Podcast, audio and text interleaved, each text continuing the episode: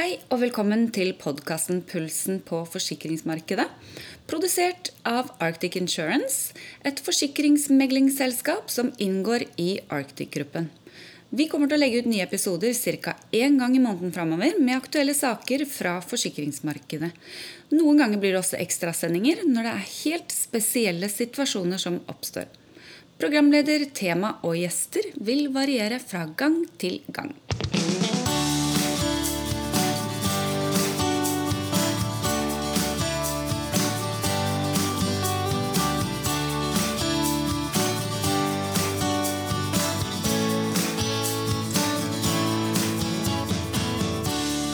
Hei og velkommen til episode syv av podkasten vår 'Pulsen på forsikringsmarkedet'. Mitt navn er Gine Tenden, og jeg jobber med tingskadeforsikring i Arctic Insurance.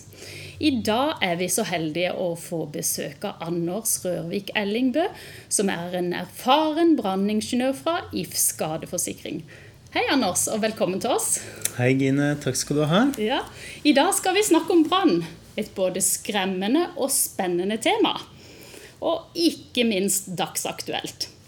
Her om dagen så brant den ene av tre fabrikker som produserer polarbrød i Sverige ned. Selv så har jeg forberedt min yngste datter på at nå kan det bli vanskelig å få polarbrød i matpakka fremover.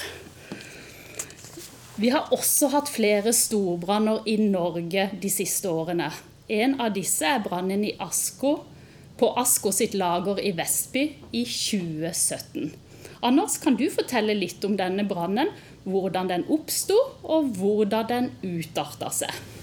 Ja, eh, Det vi vet, er at brannen på Asko startet i en ordinær trøkk eh, mens den var i bruk. Det er jo ofte snakk om trøkklading som et brannproblem, men, men, denne gangen så var det altså en, en trøkk som kjørte varer. Um, og det er klart, brannen ble veldig stor, som du sier, Gine. og denne delen av Asko-bygget det var et fryselager ja. med temperaturer under 22 minusgrader, og det var ingen sprinklerbeskyttelse. Nettopp. Um, så det er klart Da, da brannen spredte seg til lagerreolene, uh, så ble slukkeinnsatsen innvendig veldig vanskelig. Ja. For Det raste varer fra reolene som utgjorde en sikkerhetsrisiko for brannmennene. Mm. Uh, I tillegg så frøs slukkevannet til is på de kalde varene. Eh, og på interiøret. Og så vidt jeg har forstått eh, brannvesenet, så rant det da smeltevann, og det ble dannet issvuller på gulvet der inne. Ok, Så det var vanskelig å komme inn, rett og slett? Ja, ja. veldig. Og det er klart det blir jo mye damp når det er ja. eh, et kaldt lager og høye temperaturer og, og vann. Ja. Mm. Sånn I forhold til, eh, til, andre ting som var en utfordring på dette bygget Jeg har eh, lest at eh, Asko på Vestby har et av Norges største solcelleanlegg montert på taket. Ja. Hva Skapte det noen utfordringer? Ja, det, det, er et godt spørsmål, Gine. Det er, det er et veldig sammensatt bilde som ja. gjorde at dette ble en så stor brann. Eh, og det brant jo i til sammen flere dager. Ja. Ehm, for det første så, så, brenner jo varene i et sånt kjøle- og fryselager veldig godt. Det er, eh, det er jo riktignok kanskje mye kjøtt og fisk og sånne ting, men det er jo emballert med papp og plast og, det, og trepaller og sånn, og det brenner godt. Ja. Um, og det er klart Når du har reoler sånn som det, så, så går brannen hurtig oppover, og den spredte seg til taket. Okay. Eh, taket var et vanlig Eh, jeg håper å si, industritak med, med, stålplater som er dekket med isolasjon oppå. Uh, I dette tilfellet så var det brennbar isolasjon, så det ble jo en stor takbrann ganske fort. Um, og så spør du om solcellepanelene, og, det er klart solcellepaneler det brenner ikke, eller svært dårlig. Uh, så de bidrar jo ikke i brannen på noen måte. Men likevel så vil jo solcellepaneler danne et slags tak oppå taket. Ja. Som gjør at det kan være vanskelig å komme til med slukkevann ovenfra. Ja. Mm. Så det medførte det at brannvesenet ikke turte å sende folk opp på taket, basert på at de kanskje trodde det var strømførende?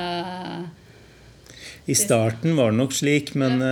Eh, men jeg mener at solcellepanelene Eller man fikk på en måte eh, kuttet strømmen, så, okay. eller spenningen, sånn at det var ikke noe stort problem. Men, men, det er klart når det brenner sånn på tak, så, så er man usikker på kollaps. da. Så uansett så ville man ikke sendt folk opp på et sånt tak. Um, men i If så har vi gjort noen forsøk uh, for å se på hvordan valg av isolasjon på tak under solcellepaneler kan bidra til å øke eller begrense en brann. Okay. Um, og Konklusjonen av de testene vi gjorde, var ganske klar. Og for å hindre en storbrann på tak, så er det bare ubrennbar isolasjon som er godt nok. Eh, og Vi så også det at eh, ved bruk av brennbar isolasjon så ville solcellepanelene forsterke effekten av brannen. Ved at eh, det samlet opp varm røyk, og det førte til tilbakestråling av varme. Nettopp, ja. Mm. Så, så, det med valg av type isolasjon mm. når man skal ha solceller, det er viktig. Ja. Så da, eh, hvis man vurderer å anskaffe seg solcellepanel, så er det ditt klare råd gå for, eh, for ikke-brennbar isolasjon. Ja, eller i hvert fall at man dekker den brennbare isolasjonen med et lag ubrennbar isolasjon. Ja, mm, mm. yes. Mm. ja godt innspill. Eh, denne brannen utvikla seg til å bli en storskade. Og vi snakker om en skadeerstatning på rundt 475 millioner kroner. Erfaringsmessig, hvor lang tid vil det ta å bygge opp igjen en slik virksomhet, Anders? Ja, Det er vanskelig å gi et entydig svar på hvor lang tid det vil ta å bygge opp. Ehm, for det vi må huske på at Branner de skal jo ofte etterforskes før bygningen frigis av politiet, og det kan ta en del tid. Eh, så kommer det en lang periode med rivnings- og opprydningsarbeid. Ja. Eh, før prosessen starter med ny byggesak og så selve gjenoppbyggingen. Så for store næringsbygg så, så vil vi ofte anslå mellom ett og to års tid. I hvert fall før man er tilbake igjen i drift. Ja, ikke sant? Altså, I tillegg så har vi også tapte markedsandeler for kundene. Ja, det er helt riktig, og det, det er ofte et stort problem. Så, så, når vi er involvert i skader av den størrelsen her, så forsøker vi å redusere tiden det tar å få bygget opp igjen. Uh, uten at man tar noen shortcuts på noen måte. Um, men det er klart, det vil jo vi spare på som forsikringsselskap i, i skadeoppgjøret. Men som du sier, enda viktigere er det at kunden vår kommer tilbake igjen i markedet før kundegrunnlaget forsvinner. Nettopp. Ja. ja. Så her ser man jo viktigheten av å ha en avbruddsforsikring med tilstrekkelig ansvarstid. Mm, helt klart. Ja. Mm. Eh, du nevnte at det var en ordinær trøkk som var årsaken til brannen på Asko. Eh, vet du hvordan brannstatistikken er eh, på bensin-dieselkjøretøy i forhold til eldrevne kjøretøy? Ja, det kan jeg si litt om. Så håper jeg Elbilparken den er jo fortsatt yngre enn bilparken som består av diesel- og bensinbiler. Så det er litt vanskelig å si hvordan det ser ut når, når elbilene nærmer seg slutten av sin levetid. Ja. Eh, for også når det gjelder bensin- og dieselbiler, så er det jo ofte gamle biler som ja. brenner best. Mm. Eller mest, ja. i hvert fall. Um, så statistikken i dag den viser at det er en mindre andel elbiler som brenner, enn diesel- og bensinbiler. Ja. Hvis man ser på antall kjøretøy som finnes. Da. Mm. Um, branner i elbiler er uh, sammensatt. Uh, og akkurat som for diesel- og bensinbiler så kan det være elektrisk feil som fører til brann i lavspentanlegget i bilen. Ja. Um, det er sjelden at brannen starter i batteripakkene. Fordi uh, elbilbatterier de er av en svært høy kvalitet. Mm. Eh, og de har bygget inn mange sikkerhetsbarrierer. Eh, og dersom batteriene starter å brenne, så er det ofte som følge av en fysisk skade på batteripakken. Eh, det forårsaker det vi kaller thermal runaway, og etter hvert brann. Så typisk kan være i en, en kollisjon, eller det var en Tesla som, som kjørte inn i en metallstag en av disse Teslaene som brant, eh, hvor man fikk en punktering av battericellene og brann. Okay. I ettertid, eller under, Nei, under selve altså, kollisjonen? Ja, stemmer. Okay. Mm. Mm. Um, så jeg, for, for diesel- og bensinbiler så starter brannen ofte da, som jeg sa, som følge av elektrisk feil. Mm. Eller så kan det være brudd på slanger for drivstoff og oljer. Som ryker, og, og den brennbare væsken antennes av varme overflater. Da. Eh, det statistikken ikke sier noe om, eh, det er de bygningsbrannene som starter fordi man lader elbilen feil.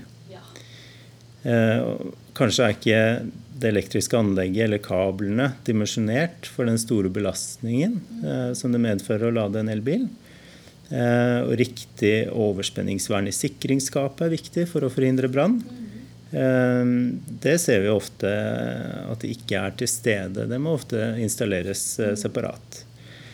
Ehm, vi ser også eksempler hvor man lader med skjøteledning. Og det bør man absolutt ikke gjøre, for de er ikke dimensjonert for dette. Ehm, men det er klart, de brannene vi snakker om nå, det vil normalt registreres som vanlig bygningsbrann med elektrisk årsak i statistikken. Ja. Du nevnte at kvalitet på selve batteriet på eldrevne kjøretøy pleier å være av god kvalitet.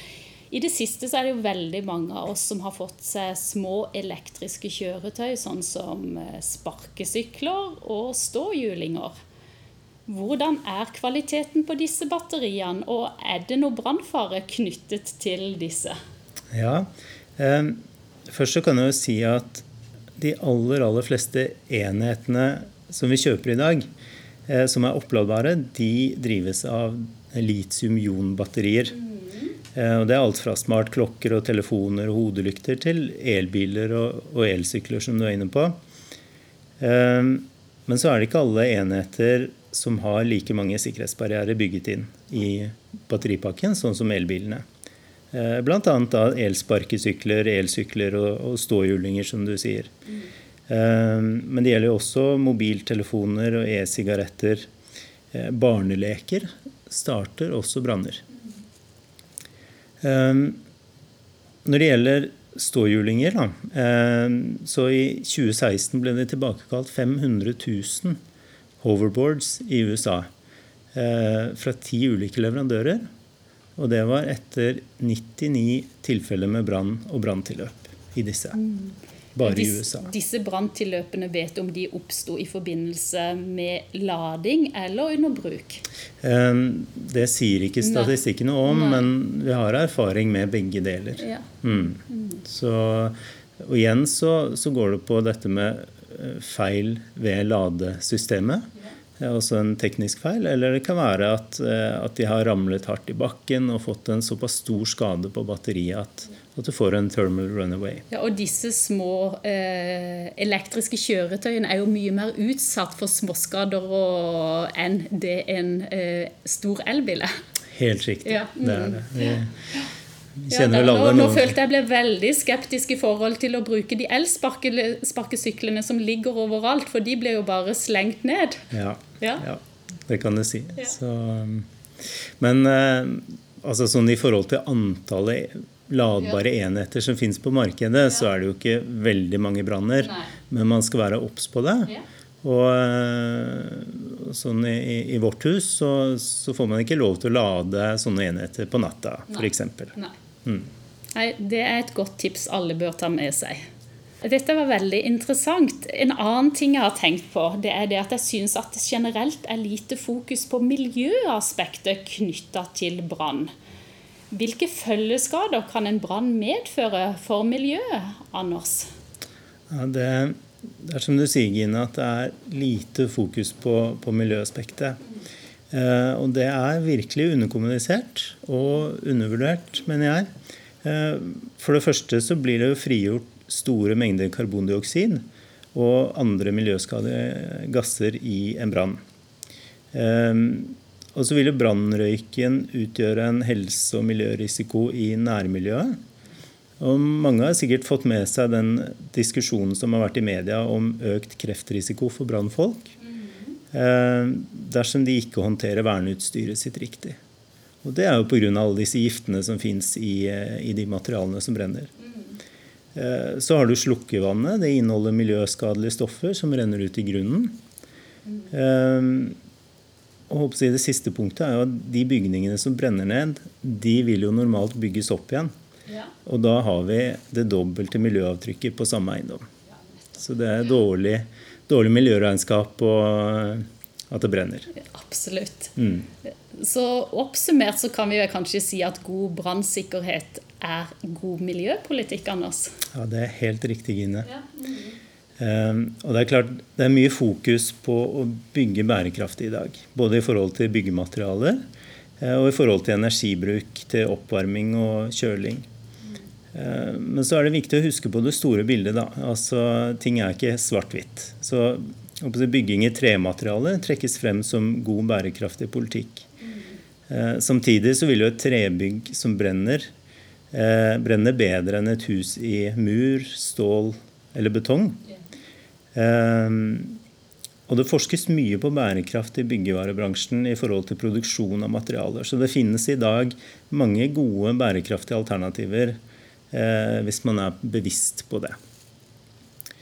Eh, så har du eh, si plastbasert isolasjon. Eh, det er jo også bærekraftig i forhold til vekt og energibesparelse. Eh, men ved en brann så vil jo slike materialer for det første bidra i selve brannforløpet. Og så vil det forsterke de uheldige miljømessige konsekvensene sammenlignet med mer brannsikre materialer. Eh, så min viktigste oppfordring det er jo å bygge brannsikkert i utgangspunktet. Ja. Eh, og så må man velge trygge produkter som kan hindre brann fra å oppstå. Ja. Ja, Så da oppfordrer vi alle våre lyttere til å tenke brannsikkerhet fra A til Å. Fra A til Å. Ja. Anders, tusen takk for at du kom i dag. Og vi er snart tilbake med en ny episode av Pulsen på forsikringsmarkedet. Takk for oss. Takk.